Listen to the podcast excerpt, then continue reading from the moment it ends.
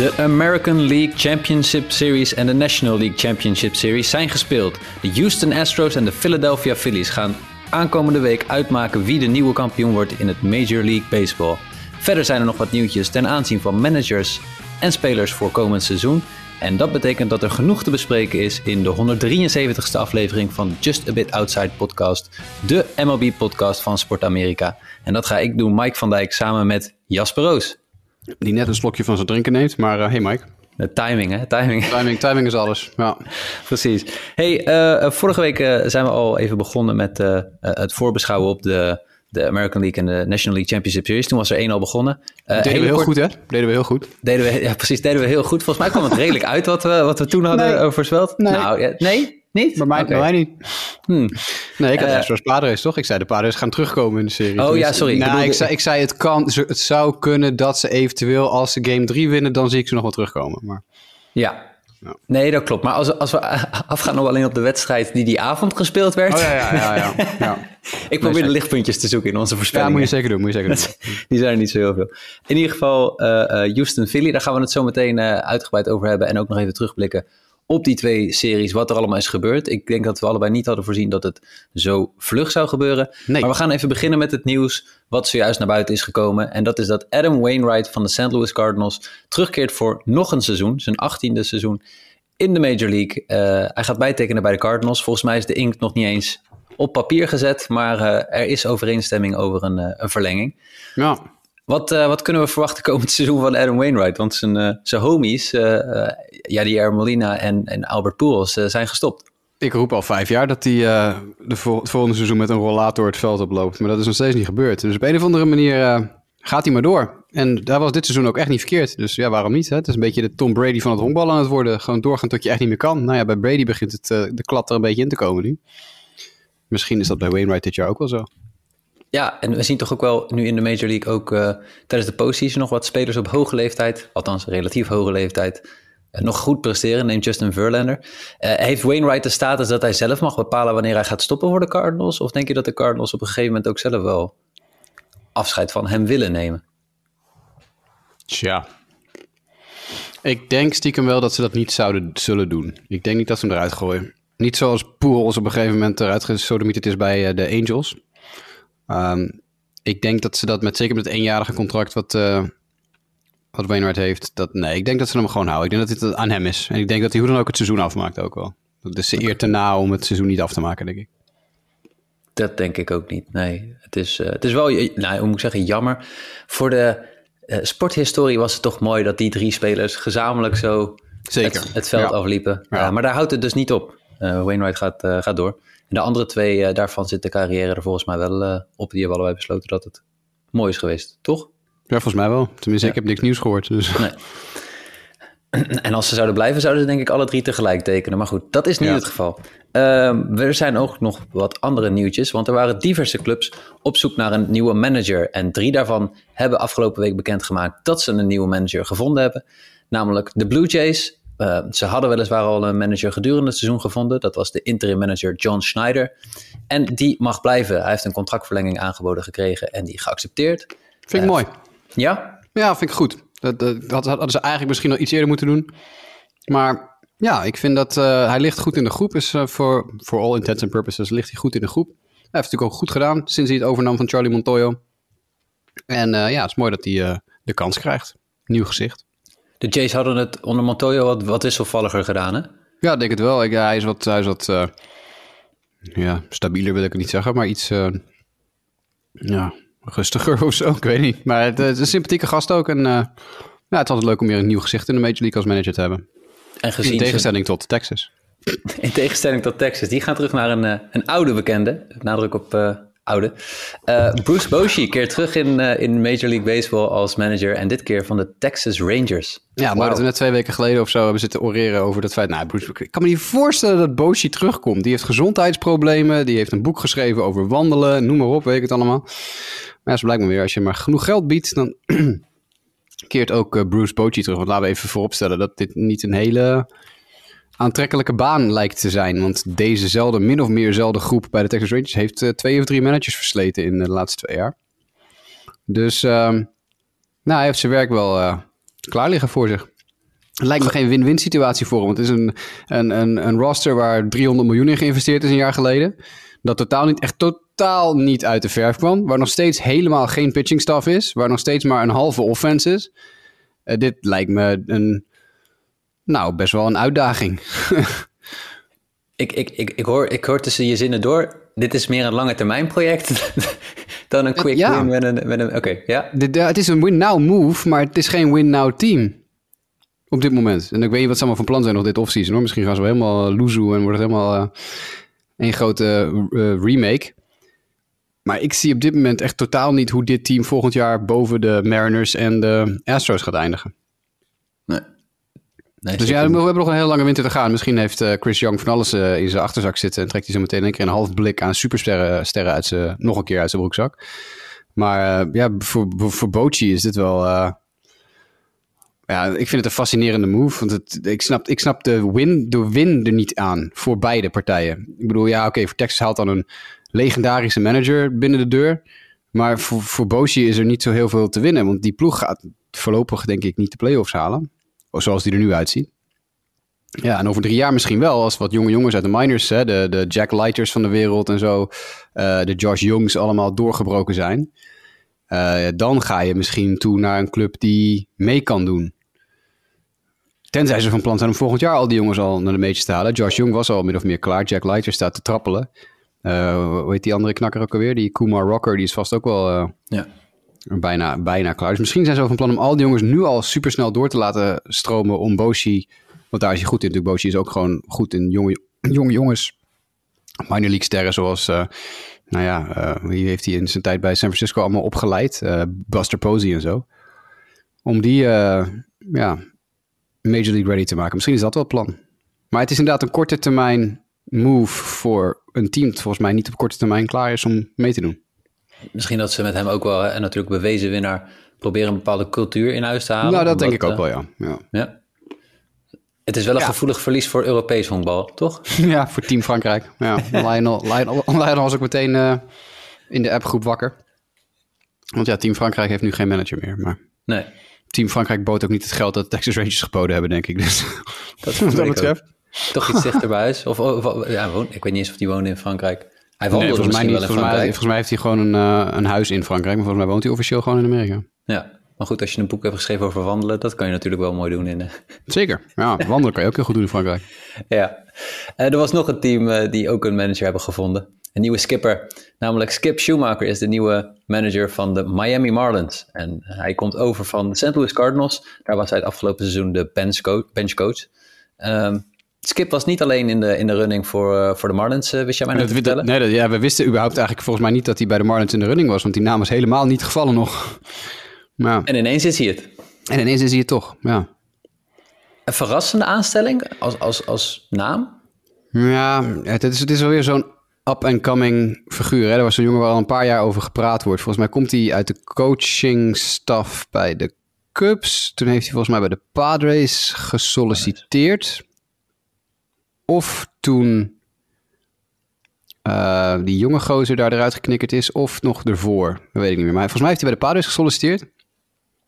Um, en toen is hij naar St. Louis gegaan, waar hij natuurlijk ook zo heel lang in zijn carrière gespeeld heeft als benchcoach. Dit is wel een naam die heel veel al genoemd is, maar ik, ik, vind, het, ik vind het een... Ja, dit is weer zo'n hire van deze gozer is vijf jaar, vier jaar geleden gestopt met honkballen. Heeft uh, meteen een coachingsjob in de Major League aangeboden gekregen zo ongeveer. Als ex-speler die helemaal niet zo heel goed was. En ja, nu is hij manager. Ja. Ja, dat, terwijl er misschien in de minors iemand al 15 jaar geweldige dingen loopt te doen en die krijgt dan weer geen kans. Dat vind ik dan weer raar. Maar goed, dat ben ik. Nee, bij mij, toen ik, het, toen ik het hoorde, toen ben ik ook even gaan opzoeken van... oh ja, wanneer is hij eigenlijk gestopt met honkbal? Dat kan nooit zo lang geleden zijn. Nee.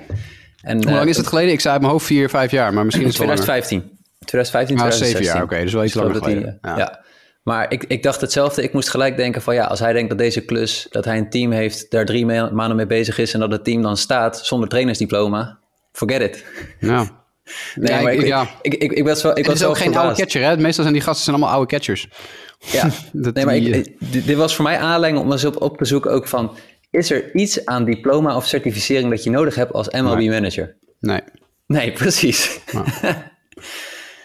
Nee, en, soms, ik, snap wel, oud, oud-spelers kunnen best heel nuttig zijn uh, in uh, organisaties om coach te worden of manager te worden. Zij het hitting coach of pitching coach of wat dan ook.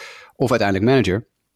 En er zijn ook wel spelers geweest. Er zijn genoeg verhalen over jongens die in de minor league als speler actief waren, waarvan de organisatie zei, luister, wij denken niet dat jij ooit een major league gaat halen. We geven je nog wel even een kans. Maar vergeet niet, als je ooit zoiets hebt van ik ga niet meer honkballen, willen we jou heel graag als coach hebben. En dan beginnen die jonge jongens bij, nou ja, een single A-team of zo. Maar nee, neem bijvoorbeeld Justin Jershely, is een naam die volgens mij een jaar geleden was een keer genoemd wordt. Die jongen die is ook geloof zijn 27 al gestopt met honkballen omdat de organisatie waar hij bij speelde zei: Hey, jij bent echt gewoon, jij bent een coach. Jij bent een manager. Jij bent een toekomstig staflid. Je gaat nooit de Major League halen. Vergeet dat maar. Zet het maar uit je hoofd. Ben je echt niet goed genoeg voor. Je slaat 100 in de Pioneer League of zo. Dus dat is helemaal niks. Maar jou willen we doorgaan als coach hebben. En die is dus op het allerlaagste niveau begonnen als eerst als volgens mij hitting coach. Toen als veldcoördinator.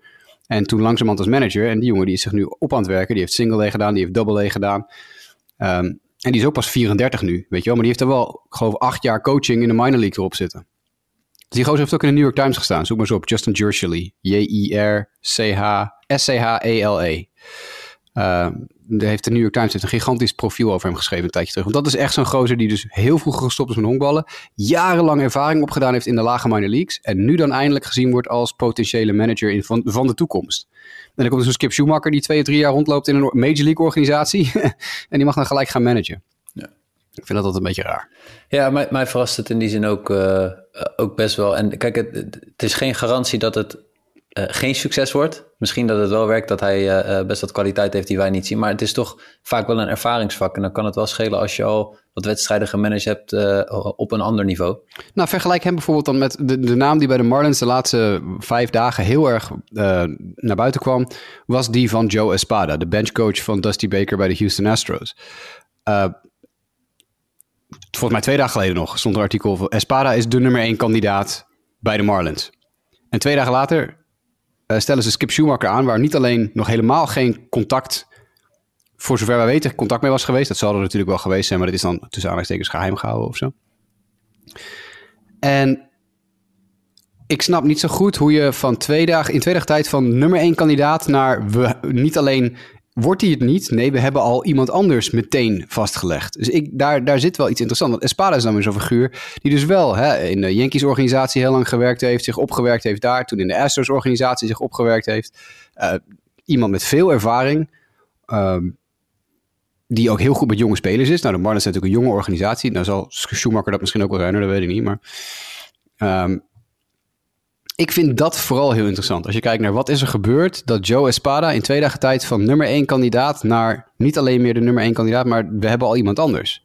Dus daar is of, of uh, Espada heeft gezegd tegen de Marlins, uh, ik wil nog niet beslissen, want ik wil wachten wat Dusty Baker doet na de World Series. En dat de Marlins toen gezegd hebben, nou daar gaan we niet op wachten, dus we pakken door met onze tweede keus of zo. Of Espada heeft gezegd tegen de Marlins: uh, Ja, jongens, alles goed en wel. Maar ik heb uh, al een handshake agreement met een andere organisatie. Um, dus ik ga niet bij jullie tekenen. Waarop de Marlins zeiden: Oké, okay, prima. Dan gaan wij door naar iets anders. Ik, ik, ik ben heel benieuwd nu wat er met Espada gebeurt. Want ik denk dat hij tegen de Marlins gezegd heeft: Ik heb al. Ik, moet, ik, ik kan nog niet bekendmaken dat, maar ik ga niet bij jullie tekenen. Of ik, uh, ik wil wachten of zo. Fascinerende situatie. Ik, ik denk ook. Ja, nee, eens. En ik denk ook dat nou goed, de, de Marlins zelf, uh, Kim en G ook, die zullen wel een keuze hebben moeten maken voor een manager, ook die goed past bij de clubhouse. Maar die clubhouse was verre van rustig afgelopen seizoen. Nou, dat ook nog eens een keer, ja. En Schumacher, ik weet niet of je, wel eens, uh, of je Schumacher nog weet toen als speler. Dat was wel een fiery dude, hoor. Dat was niet een hele rustige jongen of zo. Die is wel een paar keer uitgesodemieterd in zijn leven. Die ging de confrontatie wel aan, ja. Nou, die, dat was wel een, een heet gebakerd figuurtje over het algemeen, ja. En Tom Mattingly heeft het echt niet slecht gedaan de afgelopen jaren. Ik denk dat dat ook, ook gaat blijken uh, komend seizoen.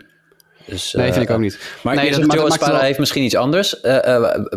jij weet misschien ook wel van linkjes naar andere clubs, want er zijn nog twee andere vacatures. de Royals en de, en de White Sox onder andere. Of ja. volgens mij die twee. Mm -hmm. Daar was ook een link met Joe.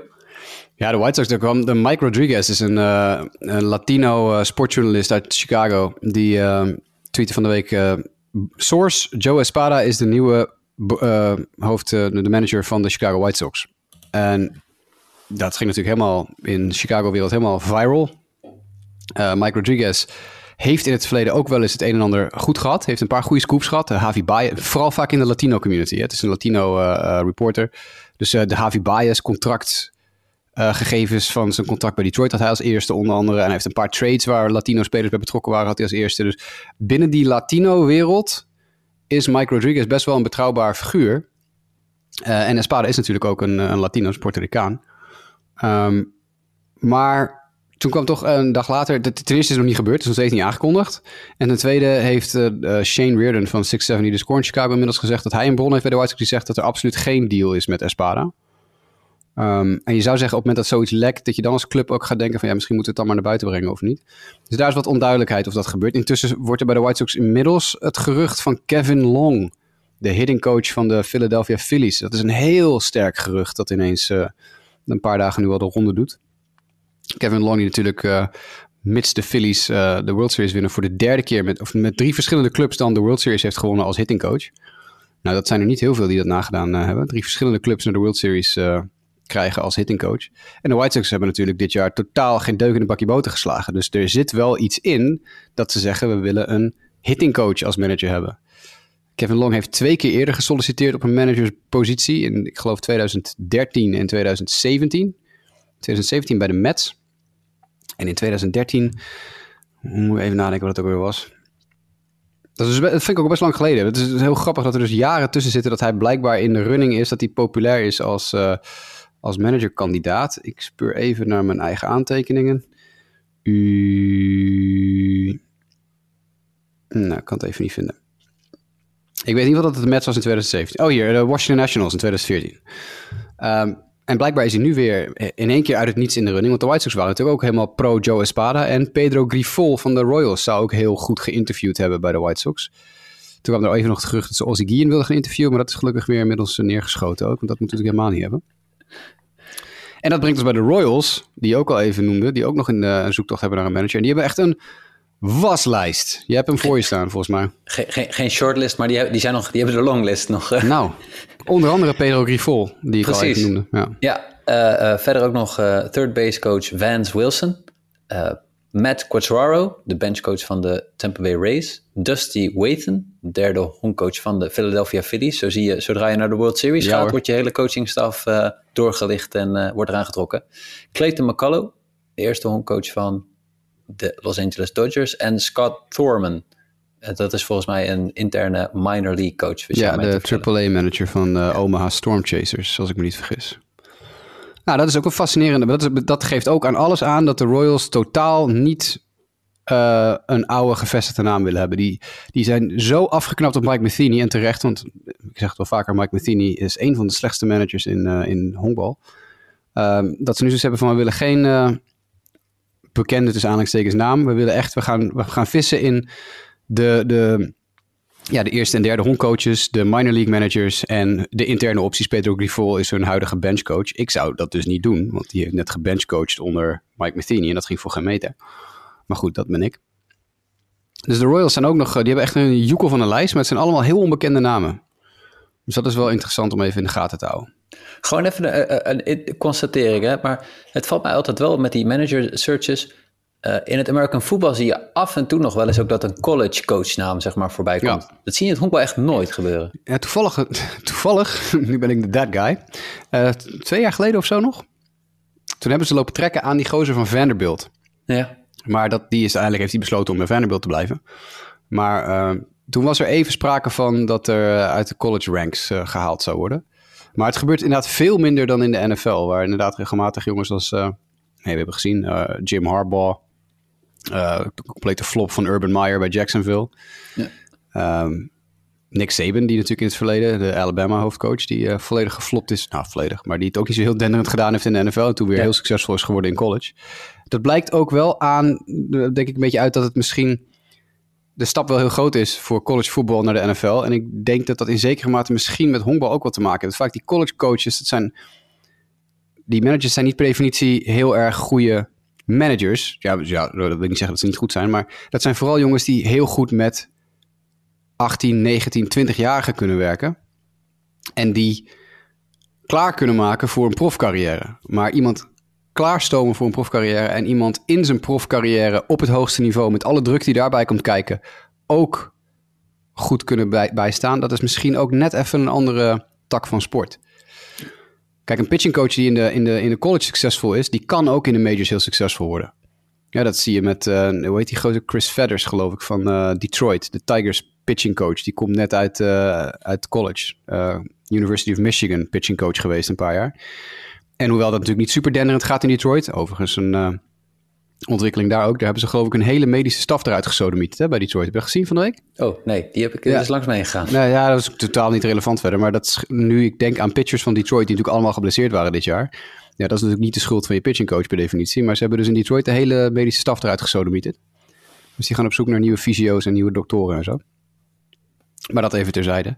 Uh, dus die stap is denk ik makkelijker te maken van pitching coach in de college ranks, zeg maar, uh, naar de majors, dan manager van college naar de majors. Als dat hout snijdt.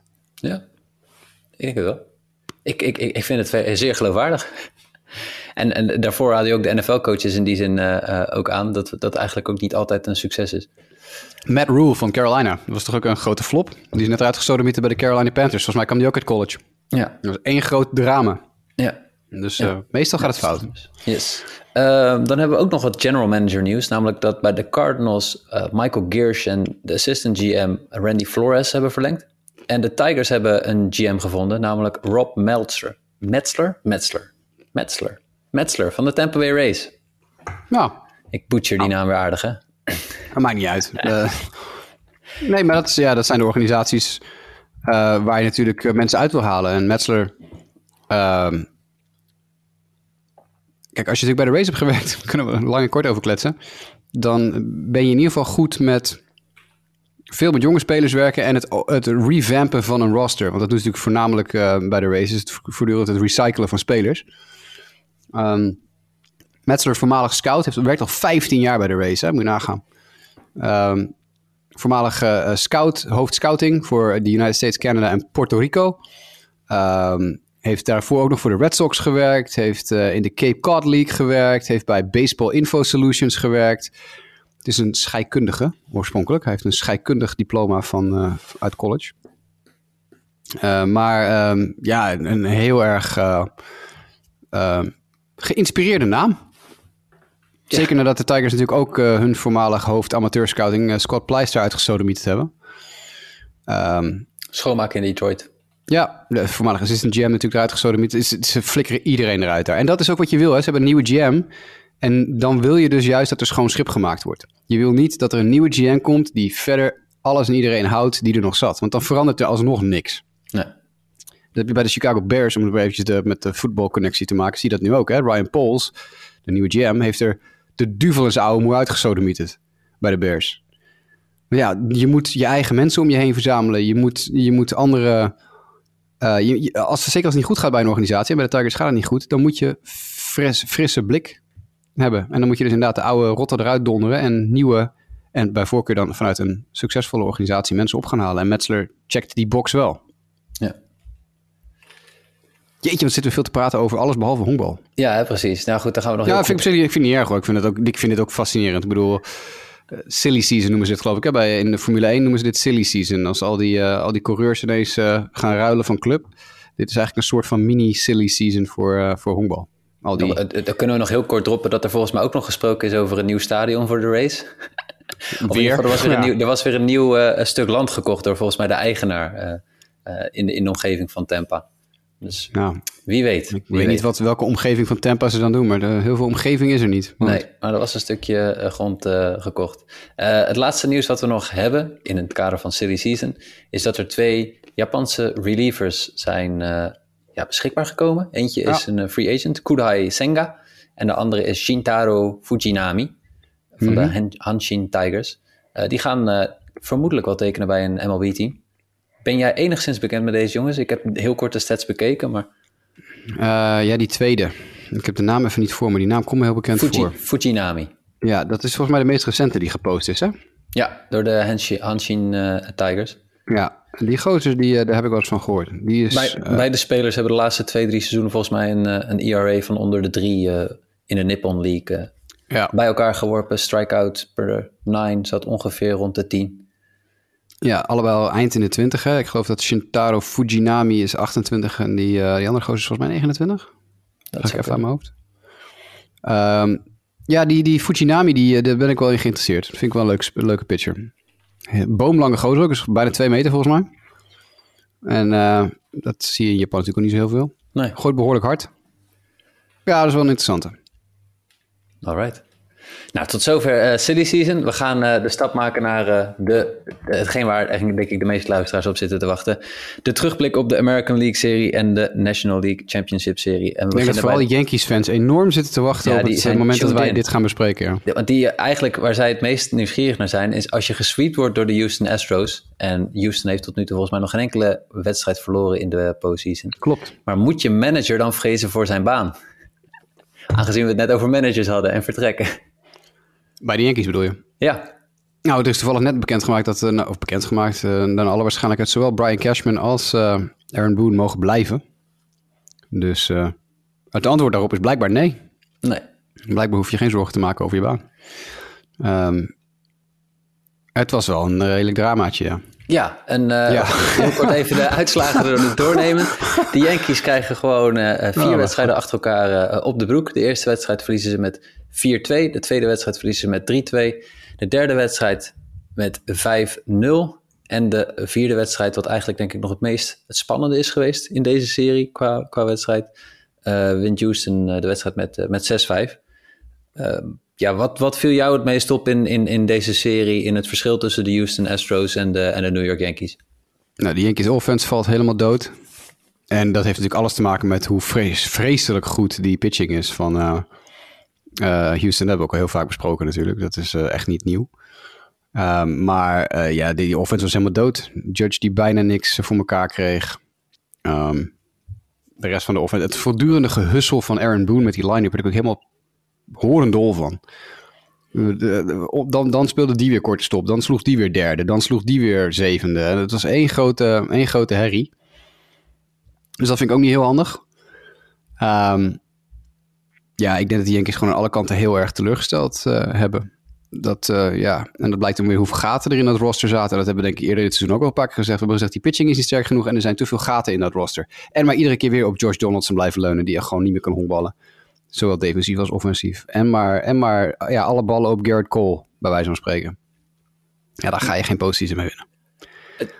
Toch, we, we- we hebben vorige week dinsdag denk ik de laatste podcast opgenomen. Toen hebben we al aangegeven dat de eerste twee wedstrijden in ieder geval niet Cole en eh, Nestor eh, zouden Ja. gaan gooien. Mij vielen die eerste twee wedstrijden, de pitching van die Yankees, de starting pitches, vi- vielen me nog mee. Zeg maar goed genoeg om een kans te maken in die wedstrijd. Ja, maar je moet wel slaan ook. Ja, en dat was echt gewoon... En dat is een probleem. Kijk, nog, we kunnen daar lang en kort over zijn. Dit is, de, de Houston Astros pitching is op een, op een absolute tear op dit moment. Dat is echt ongelooflijk. En eh, als Houston zo doorgaat, en laten we hopen dat het niet zover komt. Maar weet je wat in de laatste eh 25 jaar de meest dominante postseason runs zijn geweest? Nou, die van de Astros staat er sowieso wel hoog, denk ik. Nou, nog, nog niet, maar als ze er doorgaan, zo wel, ja. Eh, Er zijn maar twee teams die het beter gedaan hebben de laatste 25 jaar in de postseason dan de Astros het misschien potentieel kunnen gaan Dodgers. Misschien de Los Nee. Angeles Dodgers? Niet eens? Nee. Doen. Nee. De Yankees uit 1999, die gingen 11 en 1 in een postseason. 3-0 over de Texas Rangers, 4-1 over de Boston Red Sox en 4-0 over de Atlanta Braves. Dus 11 en 1. En de 2005 Chicago White Sox, die ook 11 en 1 gingen. 3-0 over de Boston Red Sox, 4-1 over de Angels, toen nog Anaheim Angels, en 4-0 over de Houston Astros. Dus als de Astros eh, één wedstrijd verliezen en de rest blijven winnen, dan gaan ze ook 11 en 1. Dan zijn ze pas het derde team in 25 jaar dat eh, zo succesvol in de postseason is. Ja. En hebben ze misschien een beetje goed gemaakt dat ze gesweept werden in de World Series van 2005.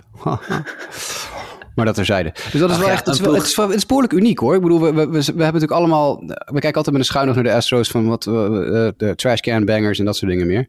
Maar als die gasten zo meteen 12 en 0 of 11 en 1 gaan, ja, dat is wel echt wel een dingetje hoor. ja. Dat gebeurt niet zoveel. Dat Nee. gebeurt echt niet zoveel. Nee, en voor de vierde keer in de laatste zes jaar geloof ik in de World Series. Hè, namens Ja, de precies. American League. Dat is wel... eh, Dus het is echt niet, eh, echt niet te onderschatten wat, eh, wat, eh, die gasten aan het doen zijn. En dat moet je misschien op een gegeven moment ook maar een beetje op waarde gaan schatten. Ja, dat klopt. Nou, ik had nog eh, eh, dit weekend nog geluisterd naar de, de podcast eh, The Book of Joe, waarin Tom Verducci en Joe Madden eh, ook nog nabeschouwden, of in ieder geval praten over de, eh, de serie. Ik geloof dat Tom Verducci het was, die zei van de Astros pitching had geloof ik in de eerste twee wedstrijden iets van 40% breaking pitches gegooid op de Yankees eh, line-up. Waarbij ze echt zoiets, eh, waarschijnlijk een gameplan ook gewoon geweest is, ze hebben een paar jongens die gewoon keihard kunnen mappen, maar we gaan gewoon continu breaking pitches gooien, Ja. omdat dat zeg maar het zwakke, zwakke punt is. En nou ja, dat, dat werd volledig uitgebouwd. Je zag gewoon dat die Yankees line-up, je zei het net, gaten heeft. Ja, het- ik had iedere keer de indruk dat het, het moest van Stanton komen of van Judge, maar voor de rest, Ja, het kwam van allebei ja, eigenlijk. Harrison Bader is dan nog eigenlijk verrassend. Dat is ja, de grote man. Dat is vorige, eh, vorige uitzending hadden we het ook al over, over hem inderdaad. Ja, het is een geweldig. Volgens mij sloeg hij de dag daarna weer een home run. Ja, Dus eh, die, die was de enige die... Maar je kan op één speler kan je niet teren. Dat, is, dat, dat gaat gewoon niet werken. nee. Nee. En dat is, ja, weet je, dat, dat is lullig en vervelend. Maar ehm, ik denk dat afgezien van die laatste wedstrijd, die 6-5, die Houston dan met 6-5 wint, heb ik nooit echt het moment ge- gehad dat ik dacht, die Yankees zitten er echt in. Ze hebben natuurlijk niet dik verloren. Hè? Ik bedoel 4-2, 3-2, 5-0 en 6-5. Het, het, het lijkt niet alsof ze dik verloren hebben. Maar het heeft er geen moment uitgezien alsof ze echt eh, de boel onder controle hadden. Want zelfs, dan staan ze eh, eh, 3-0 voor in de eerste innings. Ja, dan scoort Houston vier runs in de derde inning en dan staan ze weer voor. Weet je, je- ieder moment dat de Yankees, als ze eh, runs scoorden, en dat deden ze niet veel, hè, ze zijn twee keer voorgekomen, één keer met 1-0 en één keer met 3-0. Nou heeft Houston binnen de kortste keren weer een voorsprong in handen. En één keer kwamen ze terug in de wedstrijd, toen stond Houston 3-0 voor, toen scoorden de Yankees twee runs. En dan kunnen ze de rest van de wedstrijd helemaal niks doen. Eindigen ze de hele wedstrijd met vier hits in de hele wedstrijd. Dus ze konden geen moment echt doordrukken. Ik heb geen moment echt het idee gehad dat de Yankees een kans hadden. Maar ja, goed. Dat is uh, Ontzettend veel strikeouts ook. Aanslag. Ja. ja, daar was ook weer een... eh je stuurde de tweet op. Wie, wie was het ook weer, die dinosaurus? Ja. Ik kreeg hem doorgestuurd van een luisteraar inderdaad. Maar ik, ik, een oud, want ik moet ook even opzoeken wie het precies was. Ja, dat is Flanagan, toch? Tim Flanagan, voorm- voormalig Dodgers eh, Ja. eh, coach, volgens mij. Ja. Die zei van... eh, eh, die Yankees, eh, eh, hoeveel oh, eh, eh, strikeout percentage van volgens mij is van 40% of zo.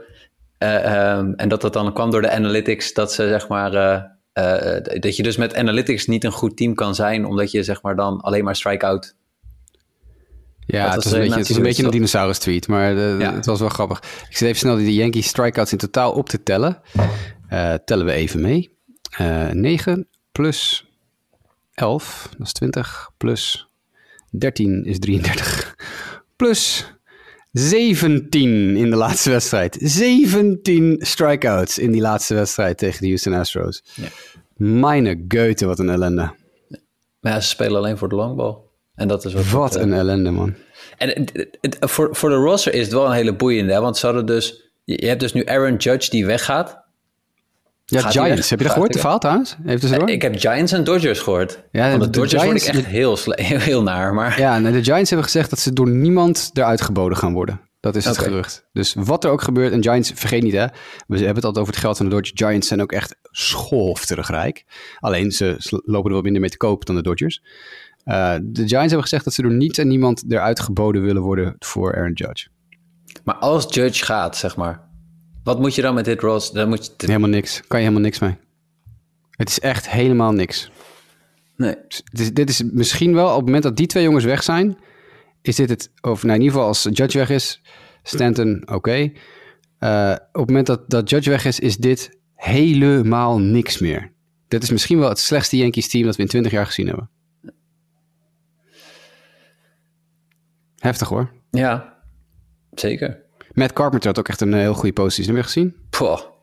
Volgens mij had hij was- alleen, alleen maar strikeouts, toch? Ja, maar, da- maar daar hing het dus ook van, af. Hè, dat dat soort jongens dan in één keer hun vorm moesten gaan vinden. Hij had één hit. Ik moet niet liegen. Wacht, ik zit even snel te tellen. Ik weet dat hij op een gegeven moment... Volgens mij zijn zijn laatste zes of zeven eh, slagbeurten waren strikeouts. We hebben zeven strikeouts op rij gekregen op een gegeven moment. Carpenter 0 uit 1 zonder een strikeout. Carpenter 1 uit 4 met twee strikeouts. Carpenter 0 uit 1 met een strikeout. En Carpenter 0 uit 4 met vier strikeouts. Ja, hij heeft bijna alleen maar strikeouts gekregen. Verschrikkelijk. Ja, Ja, en die, hebben, ze- die hebben ze van de vuilnisbelt afgetrokken. En die heeft het hartstikke leuk gedaan hoor. Bij- Bij Vlagen dit seizoen echt goed gespeeld. Maar dit, dit jongens, kom op. Die gozer die was more or less out of baseball. Een paar maanden geleden. Rizzo was ook nog wel redelijk. Redelijk. Ja, nee, dat was de eh, Rizzo en Bader. Dat waren de enige twee met een OPS boven de 1000. Ja. Bij de Astros staan er vier in de starting line-up, hè? Ja, want de Astros, kijk, dat moet je ook zo aangeven. De Yankees maakten, waren best slordig op bepaalde momenten. hè. Je hebt natuurlijk die botsing gehad in die ene wedstrijd met Garrett Mhm. Cole. Dat hij eigenlijk schadevrij door die tweede of derde inning heen kon komen. Maar omdat die jongens eh, eh, niet goed afstemmen en die bal niet gevangen wordt, ja, slaan de Astros vervolgens een home run. Ja. En er was nog een keer een dubbelspel ook. En dat zijn wel de momenten dat de Astros ook gewoon gelijk een, een, een, een punt over de thuisplaat heen brengen. Ja. En dat, dat, dat, ja, als je zo. Eh, we gaan het zo meteen over de National League hebben. Daar zijn een stuk meer fouten gemaakt. Eh, maar de Astros hebben gewoon geen fouten gemaakt. Gewoon Nee. klinisch. Pitching was prima. Line-up sloeg eh, op het moment dat het benodigd was. En die winnen gewoon makkelijk die wedstrijden. Ja, de ERA's van, van de Astros pitching staff zijn... Ja, je wordt er gewoon bijna misselijk van. Het geloof het hoogste ERA in de postseason van een Astros pitcher is 2,25. Tja. Maar hebben zij dan... Voor, hele- voor in de boelpen, boelpen heb ik het over dan, hè? Boelpen, boelpen. Ja, ik kon de Yankees line-up ook niet, niet doen. Maar dan denk ik wel van, ja, oké, de Mariners en de Yankees hebben ze dan gehad. Hebben ze daarmee dan ook Nee, aanvallen? daar hebben ze, nee, daar hebben ze niet het zwaarste mee gehad. Ze krijgen het veel zwaarder tegen de Phillies, denk ik. Want die zijn natuurlijk ook in bloedvorm. Ja, Eh, en die aanval loopt veel beter. En die is ook veel completer. Er zit bijna geen, eh, geen zwakke spot in de line-up. Als je het over de Phillies offense hebt. Ehm, dus ze krijgen het wel veel moeilijker hoor. Daarom zeg ik, het wordt heel knap als ze inderdaad ongeslagen of maar één verliezen. En zich bij de enige drie teams die in de laatste 25 jaar 11 en 1 zijn gegaan voegen. Dat zou heel knap zijn. Maar ehm, het kan wel hoor, met die, met die pitching. ja. Zullen we naar de National League gaan? Dat is goed. Daar stond het 1-0 in de laatste aflevering eh, die wij opnamen. Ja. En ehm, die wedstrijd daarna werd gewonnen door de San Diego Padres. Dat was wel een vrij leuke wedstrijd. Ontzettend leuke wedstrijd. Ja. Eh, oprecht echt en misschien wel een van de leukere wedstrijden van, het, eh, van de postseason ook, tot nu toe. Ja, Echt, ja. ja, natuurlijk twee, twee starting pitchers die allebei hopeloos op hun broek kregen. Aaron Nola werd helemaal kapot gebeukt. Nola is volgens mij trouwens net eh, 20 minuten geleden aangekondigd als Game One starter in de World Series. Dat is ook een nieuwtje dat jij nog niet wist, want jij hebt natuurlijk net als ik eh, heel druk eh, dit op zitten nemen. Maar ik zag net in een flits even dat het Nola in Game 1 wordt en Wheeler in Game 2. Want dat was bij mij inderdaad nog allemaal blank. Maar de Phillies die in ieder geval in de tweede inning 4-0 voorkwamen. En het nog uit handen geven. Ja, ongelooflijk. Nola die zes runs tegenkrijgt, snel die vier runs tegenkrijgt bij de Padres. En daarna wordt het een battle of the bullpens. Want die bullpens kregen aan allebei de kanten bijna niks tegen. Ehm, en natuurlijk, ja, je, je hebt aan allebei de kanten van die wedstrijd... eh, je, je hebt natuurlijk een Machado die het hartstikke goed doet. Een Bell bij, eh, bij, San Diego. Aan de andere kant was dan weer vooral Harper. Want jemig, wat een postseason heeft die jongen. Dat is ongelooflijk. Elke, elke cent waard. Maar... ehm, ja, ontzettend leuke wedstrijd. Wel weer veel strikeouts. Ook eh, ik geloof in totaal iets van 23 of 25 strikeouts. Maar eh, ja, superleuke wedstrijd. Ja, eh, uiteindelijk eh 8-5 voor eh, de San Diego Padres. Wat het leukste was ook nog wel, denk ik, misschien het moment tussen, van, van vader Nola, die dan zeg maar in twee uniforms eigenlijk staat. Pet van de ene club, shirt van de andere. En in een andere wedstrijd had hij weer twee shirts over elkaar. Complete identiteitscrisis bij die meneer tijdens de wedstrijd. Ja. Maar het was wel, eh, het werd flink opgeklopt, maar het, ja, het, is, het is ook wel echt uniek, zeg maar. Op zo'n Het werd, het werd behoorlijk opgeklopt. Zeker als je nagaat dat eh, zowel Austin als Aaron Nola niet nou echt een per definitie heel goede serie speelt. Nee, nee. Volgens mij heeft Austin Nola is hitloos. Zo ongeveer. Ja, eh, oeh, ik, heb, ik heb het niet zo scherp Hij bijgehouden. heeft dat één, hit. Eh, ja. In die wedstrijd dan. 0 uit 3. 1 uit 4. Ja. Ja, tegen Aaron. 1 uit 4. eh 0 uit 4. 0 uit 4. 0 uit 4. Maar toch, ze zeiden het ook. Maar wie heeft het? Hij zit aan een kerstdiner met zijn familie. Dan kan hij toch over die ene hit opscheppen. Ja, dat wel, ja. ja. Maar goed, uiteindelijk eh, gaat zijn broer naar de World Series. ja. Dus eh, eh, wedstrijd drie, ook wel verrassend. Eh, Ranger Suarez die het opneemt tegen Joe Musgrove. ja. Eh, Ranger die gewoon eigenlijk hem outduelt. Ja, op een manier. Ja, ja, ja, ja, nee, 100%. Helemaal uitpitcht. Ja, Ja. aan alle kanten. Ja. Phillies winnen, Fantastisch. vi- Phillies winnen eh, 4-2. Eh, Die, toch die ook- Ranger Suarez trouwens, het feit dat hij, daar komen ze meteen nog op, in de laatste wedstrijd uit de bullpen komt, ineens. is dan ook alweer, dat maakt hem ook alweer een soort legendarisch figuur. Ik, ben, ik vind dat geweldig. Als een, eh, wat de Madison Baumgartner manier, zeg maar, van een paar jaar geleden bij de Giants, weet je wel. Dat hij een paar wedstrijden gestart heeft en uiteindelijk ook nog een save heeft. Uh, Mark Burley, die uh, in 2005 met vier of vijf bier in zijn mik ineens in de 14e inning alsnog uh, de twee dagen nadat hij net gestart heeft nog een, een inning in relief gooit en een save haalt, weet je wel. Randy terwijl Johnson. Terwijl hij al bier zit te drinken in de, in het clubhuis. Randy Johnson inderdaad, in de, de 2001 World Series was ja. dat? Ja. ja. ja. Dus dat, dat vind ik altijd fantastisch. Dat, dat het dan Ranger Suarez wordt. Die dat, allemaal lefties trouwens. Hè? Suarez, Burley, uh, Johnson, Bumgarner. Ja. Allemaal lefties. Ja. Oh. ja. dat is wel inderdaad uh, uniek. Dat is ook het verhaal van de 20 runners left on base van uh, San Diego. Ja, de, de 20 onder de LOB-kolom, ja, inderdaad. Onge, ongekend wel. Ja, want inderdaad, die, die bullpen van de Phillies had daarin wel steeds, kreeg wel steeds honkslagen tegen. En er kwamen mensen op de honken. Maar goed, die kwamen niet tot scoren. Uh, wedstrijd 4, eigenlijk ook echt een best wel bizarre wedstrijd. Uh, uitslag 10-6 voor de Phillies. Tja. Twee starting pitchers die allebei niet verder komen dan 0,2 innings pitched. Namelijk Clevenger, die geen enkele uitmaakt. Ja, ook niet heel verrassend natuurlijk, want die gast heeft bijna niks gegooid dit jaar. Ik weet niet wat ze precies van plan waren met hem, maar dit, dit is het natuurlijk niet. Het leek echt nergens op dit positie nee. met hem. Nee. nee, die is niet gezond. Nee, nee. dat is ook op zich niet zo heel gek, want die komt net terug. Maar dan moet je misschien even hem niet in zo'n belangrijke wedstrijd op de heuvel gooien. En wie is Bailey Falter überhaupt? Weet je wel? Ja. Dus dat is... Ja. Nou ja, in ieder geval wel een hele uh, vermakelijke wedstrijd, ook uh, qua uh, runs. de laatste wedstrijd... Ja, maar ik vond, de, ik vond deze minder, minder leuk dan die andere in, in zoverre dat je... Ja, weet je, je, je krijgt in, in, in één inning zeven runs op het scorebord. Vier voor de een, drie voor de ander. En dan gebeurt hetzelfde eigenlijk nog een keer in de vijfde inning. Als ook weer zes runs gecombineerd worden. Dat soort outbursts. En daartussendoor gebeurde eigenlijk geen zak. Nee. Dat vind ik dan weer een beetje jammer. Wel echt een bonanza potje. Ja, maar, een bonanza, uh, niet, ja, echt, uh, niet echt. Ja. Heel goed. Dan hebben we wedstrijd 5. Die, wordt, die was gunstig voor ons qua tijdstip ook. Want die konden ja. we gewoon allemaal kijken. Um, althans, in ieder geval als je toegang had tot, tot een, een, stream of iets dergelijks. 4-3 gewonnen door de Philadelphia Phillies. Ik denk ook qua drama met de regen en de setting. Ja. Had dit ook wel iets. Ik lag deze wedstrijd, ik moest volgende ochtend vroeg op, dus ik heb hem niet uh, gekeken. Maar ik heb, uh, ben in de 5 of 16 naar bed gegaan en heb ik de MLB-app radio aangezet. Dus ik had een oortje in in bed terwijl ik nou ja, een beetje lag halfweg te, te, te doezelen. En ik, ik, ja, dit is, kan ik totaal niet bewijzen, maar je moet me maar even op mijn blauwe oog geloven als ik zeg dat ik deze, de, de, de hit van Harper heb voorspeld. 10 seconden voordat hij hem sloeg, zei ik, hij slaat hem eruit zometeen tegen mezelf. Ja. En dat was vooral de pitch sequencing die op dat moment... Kijk, wat er dus natuurlijk gebeurt... Uh, op het moment dat de Padres in de zevende inning die voorsprong nemen... die twee runs scoren en die, die voorsprong nemen van 3 tegen 2... dan denk je, oké, okay, nou moet San Diego dat vast gaan houden... en dan zit je dus alleen maar te wachten op iemand als George Hader of zo. Uh, en in plaats daarvan wordt het Robert Suarez... die op de heuvel komt... die op zich best een aardig balletje kan gooien... maar die krijgt in die, in die achtste inning... heeft hij wat problemen... En dan komt die at bat waarbij Harper aan slag komt. En ik zit even de precieze pitches op te zoeken. Het was die change-up aan de buitenkant waar die, waar die op spuugde, zeg maar. Dat was, dat was het breekpunt. Dat was het moment. Dus je krijgt die at bat met Harper, right? Oké, dus je hebt een foul tip op een sinker. Een wijd op een four-seamer. Een foul tip op een sinker. Dus dan is het 1 en 2. Dan een foulbal 1 en 2 blijft het in de count. Dan nog een foulbal blijft 1 en 2. En die zesde pitch, die change, dus de eerste change-up die uh, Suarez, uh, Robert Suarez in dit geval niet Ranger, Robert, uh, die eerste change-up die hij in die at-bat gooit, die bal mist een heel klein beetje lager aan de buitenkant. En als je, als, op het moment dat Harper dus in staat is om niet alleen iedere fastball die hij op zich afgegooid kreeg uh, voor een strike contact mee kon maken, want hij heeft ze allemaal, of het nou 98 mijl per uur sinker is of een 99 mijl per uur four-seamer, allemaal maakte hij contact mee. Hij sloeg ze fout, maar hij maakte er contact mee. En op het moment dat hij dus die change-up... Op zich is het idee van die change-up is heel goed hoor. Change-up laag aan de buitenkant.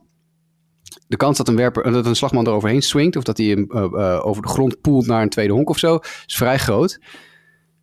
Op het moment dat Harper die bal laat gaan... en de commentatoren, ik had de Padres uh, radiofeed aan... en die zeiden het ook. Die, de, ik weet niet wie die color announcer is... maar die zei ook van... oeh, het feit dat hij die laat gaan... En toen zei ik tegen mezelf, dan gooit hij nu een fastball en, en Harper ramt hem eruit. En de volgende pitch sloeg hij eruit. En dit kan niemand controleren, dus je moet maar geloven, maar het is echt waar.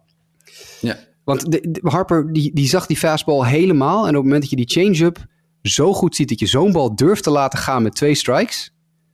Ja, dan, dan, dan ben je locked in. Dan ben je zo locked in. Dat, eh, ja, dan kan je, het enige wat je dan kan doen is, is een fastball op zijn ogen gooien. Ja, dat deden ze niet. Nee, niet letterlijk op zijn ogen natuurlijk. Hè. Eh, eh, hoog, hoog in de zone. Hoog, hoog in de zone, ja, precies. Maar ja, het was, hij was niet hoog in de zone. Hij was middenlaag. Midden, midden, midden. Dus ja, dat hopeloos. Wil je natuurlijk emo- pandemonium in Philadelphia natuurlijk. Ja, En, en die, je hoorde het hart van die commentatoren van de Padres op de radio echt in duizend stukjes breken. Ehm, maar gewoon een heel slechte... Je, daar gaan twee dingen fout bij. de- Ik heb het ook getwitterd. Er gaan twee dingen fout daar bij de Padres. Ten eerste moet je natuurlijk Josh Hader op de heuvel zetten op dat moment. En niet de rechtshandige Robert Suarez. Eh, lefty lefty moet je dan doen. Ja, oké. je kan zeggen, na afloop Bob Melvin zei het ook. eh, Suarez heeft nog geen home runs tegengekregen tegen lefty pitchers. Tegen lefty hitters dit jaar. Ja. Tuurlijk. Maar Bryce Harper Bryce is niet zomaar nee. even een lefty hitter.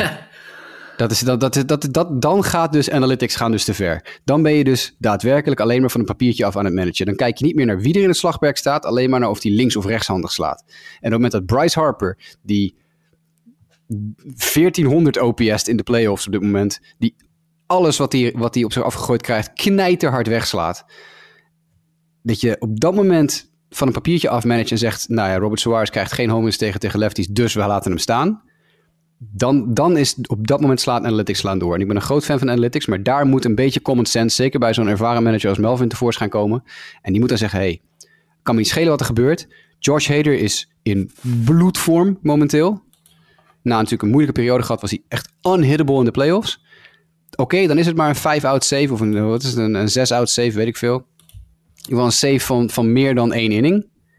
Dat heeft eh Hader het hele jaar nog niet gedaan. Boeien als je deze wedstrijd verliest, lig je eruit. Dus dan moet je iets, dan moet je bij wijze van spreken maar eh, iemand anders uit de boelpen trekken voor de negende inning. Als je, als je hem echt geen twee innings wil laten gooien, of meer dan één inning wil laten gooien. Maar hier had George Hader op de heuvel moeten staan. Ja. 100% fout van eh, Bob Melvin. ja. Sorry, dat was een hele rant van mij. Maar ik, de, de- ik, ik, ik, het feit dat ik, ik lag dit live te luisteren en ik werd er op dat moment zo, nou ja, niet gefrustreerd van, want ik vind het prima dat de Phillies de World Series hebben gehaald. Maar dat ik, dat ik bij recht op een bed zit en zeg, dit gaat fout. Ja.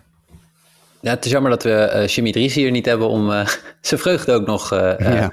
te leren. Maar het is de- wel dit soort fouten. De, de, de, de, de Phillies zijn op dit moment wel het team dat als je fouten maakt, zeker die line-up gaat hem afstraffen. Ja. Het zij Hoskins, het zij Schwarber of in dit geval natuurlijk Harper. Eh, maar de- daar dat hebben ze in deze serie wel laten zien dat ze de Padres echt een paar dingetjes hebben laten liggen. En daar hebben ze maximaal van geprofiteerd. Ja, 100%. Dus de Phillies winnen met 4-1. Ehm, hele snelle ronde eigenlijk zo op deze manier. En dat is waarom we nu eigenlijk een paar rustdagen hebben. Ja, ook weer super kut natuurlijk. Maar ja, ik zal het best iets eh, naar voren kunnen schuiven misschien. Maar goed, in ieder geval gaat ehm, vrijdag de World Series beginnen. En zoals we zojuist gehoord hebben van Jasper... is de startende werper voor de Philadelphia Phillies in Game 1 Aaron Nola. Ja, Precies. En in Game 2 Zack Wheeler. Wheeler. Ja. Eh, van de Astros weten we het nog niet. Nou kunnen we een beetje gaan gissen. Maar tot nu toe zijn in de voorgaande rondes... eh, is steeds Justin Verlander de startende werper geweest. Ja, ik dat zie geen me. reden waarom dat zou wijzigen nu. Nee. Nee, en ik denk dat Framber Valdez de tweede wedstrijd gooit. Ja, ik denk dat die En- gewoon het vasthouden, toch? Ja, ik denk het wel. Ja, Christian Javier misschien in game 3. Ja. Ja, maar dat was ook, wat, de- sorry, dat schiet me nog even te binnen. En eh, dat las ik ook in een eh, artikel op The Athletic. Die Yankees toen ze 3-0 achter stonden, hè, de kans dat ze toen nog doorgingen. Ik bedoel, je kan best een wedstrijd winnen. Stel dat ze zondag gewonnen hadden. Maar dan hadden ze nog drie wedstrijden gehad tegen die drie werpers. Ja, nee, vergeet het maar. Kansloos. Kansloos, ja. Je kan niet al die drie wedstrijden gaan winnen. Daar, daar zijn de Astros gewoon te goed voor. ja. Nee, dat Maar- is 100%. Dat is ook het probleem waar de Phillies tegenaan gaan lopen eventueel. Ja, Ehm, dat, dat is inderdaad een bruggetje naar de, naar de serie. Hoe kijk jij naar de sterkte van Houston en welke kansen liggen er voor Philly? Nou, als er één team momenteel is dat tegen deze pitching op kan, dan zijn het de Phillies wel. Eh, want die offense is van, nou, wat ik nou zeg, van top to bottom is die gewoon in, in, in waanzinnige vorm. En ze hebben de beste speler op de wereld momenteel eh, aanvallend gezien eh, in de line-up.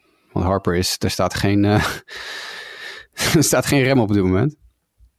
Dus, tja, ik, ik vind het heel spannend. Ik denk dat het echt wel op zich een kans heeft om een heel erg leuke World Series te worden. Ja, het, het, het, ehm, gaat, gaat deze, deze rustdagen nu het moment een beetje weghalen bij de Phillies? Want ik, ik had prima gehad als het uh, woensdag of uh, vanavond of, of morgen zou zijn begonnen. en ik denk dat dat ook in het voordeel was geweest van de Phillies, omdat ze dan toch wel zo op dit moment bloedje heet in vorm zijn, die line-up. Ja, nou, ik zit ook even te denken. Um, als je kijkt, ja, misschien wel. Ik denk dat. Hmm, Ik denk puntje bij paaltje dat de Astros nog steeds gaan winnen. Namelijk. Dus ik even te denken over wat de, de implicaties van zo'n gedachte zijn.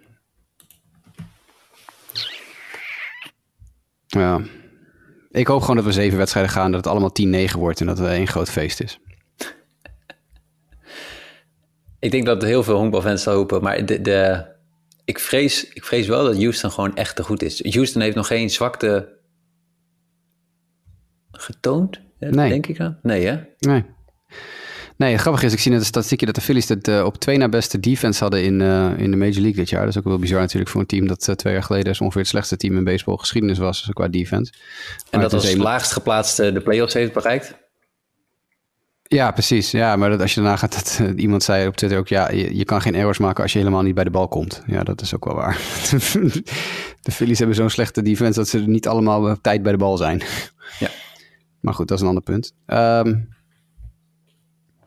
ik, hoop, uh, ik hoop dat het een leuke World Series wordt. Voorspelling. Hoeveel wedstrijden? Wie als winnaar? Fuck it. Zeven wedstrijden, 4-3 Astros winnen.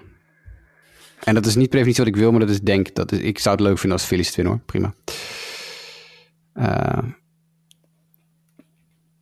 ja. Tegen, tegen beter weten in. 4-2 Phillies. Dat is gewoon het gevoel. Ja, het, het zal mij niet verbazen. Ja, Nou ja, mij wel. Als, als, als de Phillies überhaupt winnen, zou het mij echt enorm verbazen. Maar ik hoop gewoon wel dat, uh, dat als ze winnen, dan denk ik wel dat de Phillies niet uh, moeten hebben van zeven wedstrijden, maar dat zou eerder het, ja. de Astros moeten gaan verslaan. Ik heb een leuk manager nieuwtje. Oeh, vertel. Er is een Twitter-account, en ik, ik, zal de naam niet noemen, maar er is een, Twitter, een, een, een anoniem Twitter-account dat heel erg ingevoerd is bij de White Sox. En ik denk nog steeds dat er iemand van de club achter zit. Um, en die tweet net het volgende. De situatie bij de White Sox is het volgende. De front office wil Joe Espada. Dus GM en President of Baseball Ops willen Espada. Eigenaar wil Ozzie Guillen terug. Beide kampen zijn het erover eens dat Kevin Long een goede middelpersoon is. I'm not liking this. Nee, dat doe met die informatie wat je wil. Dit is, dit is natuurlijk een recept voor nog meer, succes, nog meer drama. Als weer de eigenaar zich weer ermee gaat bemoeien. Dat hij niet denkt van ik ga nu gewoon even stilzitten, mijn bek houden naar die enorme fuck-up die ik had met Tony La Russa. Uh, dat hij dus nu weer, uh, dat hij het weer niet eens is met zijn front office. Die dus de moderne manager willen. De jonge, moderne hotshot manager. En de eigenaar wil dan weer Ozzie Guillen terug. Doet Ozzie Guillen nog iets in honkbal? Ja, ja, zeker. Ozzy Nou ja, dat is het enige argument in het, voordeel van Ozzy is dat hij er denk ik geen persoon met relatief recente managerservaring is in baseball die de White Sox zo goed kent. Want hij werkt al de laatste vijf of zes jaar voor NBC Sports Chicago. Hij is de televisieanalist voor de postgame en de pregame show. Ja. Uh, en hij is nog om de havenklap in dat clubhuis te vinden. Hij is om de havenklap in het stadion, want hij moet voor zijn werk daar zijn. Dus ja, uh, dat is het enige wat in zijn voordeel uh, speelt. Is dat hij, er is niemand in baseball die dat team zo goed kent als Ozzy. Maar het is ook Ozzy Guillen. Tja. Ja, het, is wel, het, het was wel vermakelijk. uh, Ozzy was super vermakelijk altijd. Ja, maar die heeft ook vette ruzie gehad met Kenny Williams bij de White Sox. Uh, de, de huidige president of baseball ops. Ja. Dus ik zie echt niet gebeuren dat dat... Uh, Weer goed gaat. Nee, dat lijkt me gewoon niet. anyway. Goed, dat, is dus, dat is dus het rolletje. Espada aan de ene kant, Ozzy aan de andere kant. En dan denken ze dat Kevin Long de middle ground is.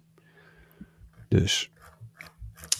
We will see. In ieder geval, vrijdag Game 1 World Series. We gaan het zien. Gaan wij nog uh, halverwege de World Series terugkeren uh, na het weekend? Of, uh, we moeten ja, kijken. van hoe het loopt, hè? Ja. ja, dat hangt een beetje vanaf hoe de stand van zaken is en hoeveel tijd en zin wij hebben. Ik heb nog één vraag trouwens over managers. Die kreeg ik ook nog doorgestuurd, mm. volgens mij van Pim van Gemeren. Dat was nog Dave Roberts. Hoe zit het nu met Dave Roberts? Nou, dat is wel een uitschakeling. Vraag, ik denk dat Dave Roberts redelijk stabiel in zijn stoel zit. Maar uh, Het probleem dat Dave Roberts heeft is dat iedere, iedere fout die hij maakt, het zijn er niet zo heel veel, maar iedere keer dat hij een fout maakt, dan staat het drie weken lang in de, in de krant. Omdat het natuurlijk LA is. Ehm, ik denk dat die relatief uh, veilig is. Want ja, waar, waar gaat LA een betere manager vandaan halen dan Dave Roberts? Iemand die ieder jaar de playoffs haalt. Iemand die al één keer gewonnen heeft in de laatste paar jaar. Iemand die uh, nou, toch tot de betere managers over het algemeen in baseball behoort. Waar ga je, met wie ga je hem vervangen dan? Tony La Russa? ja, nee, ik bedoel maar. Ik bedoel, ja, wie, wie ga je nou... Kijk, het is niet zo dat hij, dat hij het allemaal vreselijk verkloot. Het is niet zo dat zijn team in één keer 50 en 100, uh, 112 gaat of zo. Het is eerder andersom. dus nee, ik denk dat hij wel veilig is. Nou, maar de, uh, dat spreekt ook in mijn beleving voor hoe de Dodgers-organisatie gerund wordt. Als hij gewoon mag blijven. Omdat je ziet in andere sporten, neem bijvoorbeeld de Premier League in het voetbal of uh, überhaupt in de Champions League. Dat bij Paris Saint-Germain, hoewel ze zeg maar ieder jaar met twee vingers in de neus kampioen worden, als in de eh, Champions League het niet lukt, gaat de coach er nog steeds uit. Ja. Nee, dat en dan vind ik het wel spreken voor de Dodgers dat ze inzien van, ja, dit is wel nog steeds de beste manager die we hebben uh, om ons kampioen te maken. Ja, maar hij heeft het net, net twee jaar geleden gewonnen. Ja, ja precies. Ja. Ja. Dus, dus het is ook niet zo dat, we al 15, dat hij er al 15 jaar zit en dat hij teert op, zijn, uh, op een World Series winst uit zijn eerste jaar of zo. En volgend seizoen Aaron Judge erbij in de line-up. Doet ook iets. Ja, ja, bijvoorbeeld. Tenzij de Giants daar een stokje voor steken. Oh, man, nee, maar dat, is natuurlijk altijd een, probleem tussen aangestekend. Dat je hebt als een manager uh, die net aan een job begint ergens, dat hij vrij vroeg in zijn carrière al meteen een titel haalt, dan is dat, daar teert hij de rest van zijn carrière op.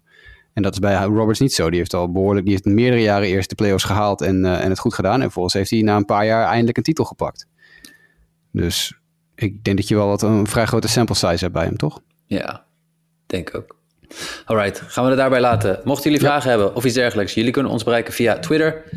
Jasperoos, Mdijk90, GrasmanSD of JWKF of Sportamerika. In ieder geval, daar kunnen jullie ons het makkelijkst vinden.